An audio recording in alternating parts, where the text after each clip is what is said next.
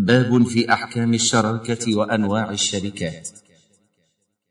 موضوع الشركات ينبغي التعرف على احكامه لكثره التعامل به إذ لا يزال الاشتراك في التجارة وغيرها مستمرا بين الناس. وهو من باب التعاون على تحصيل المصالح بتنمية الأموال واستثمارها وتبادل الخبرات. فالشركة في التجارة وغيرها مما جاءت بجوازه نصوص الكتاب والسنة.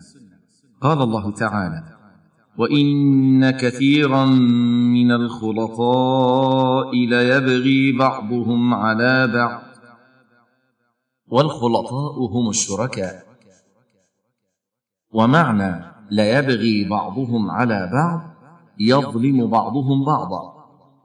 فدلت الايه الكريمه على جواز الشركة والمنع من ظلم الشريك لشريكه. والدليل من السنة على جواز الشركة قوله صلى الله عليه وسلم قال الله تعالى أنا ثالث الشريكين أي معهما بالحفظ والرعاية والإمداد وإنزال البركة في تجارتهما. ما لم يخن أحدهما صاحبه. فإذا خانه خرجت من بينهما. أي نزعت البركة من تجارتهما. حاشية. رواه أبو داود برقم ثلاثة وثمانين وثلاثمائة وثلاثة آلاف. والحاكم في الجزء الثاني الصفحه الستين.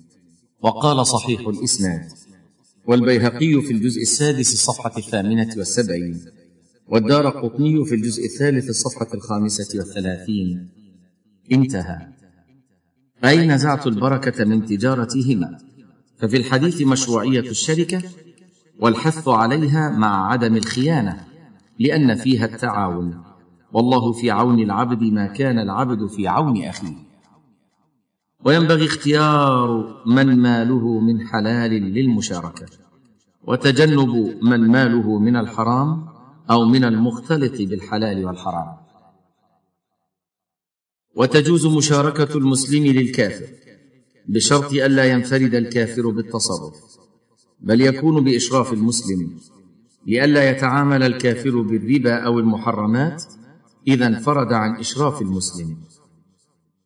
والشركة تنقسم إلى قسمين شركة أملاك وشركة عقود. فشركة الأملاك هي اشتراك في استحقاق كالاشتراك في تملك عقار أو تملك مصنع أو تملك سيارات أو غير ذلك. وشركة العقود هي الاشتراك في التصرف كالاشتراك في البيع أو الشراء أو التأجير أو غير ذلك. وهي إما اشتراك في مال وعمل أو اشتراك في عمل بدون مال. وهي خمسة أنواع. النوع الأول أن يكون الاشتراك في المال والعمل.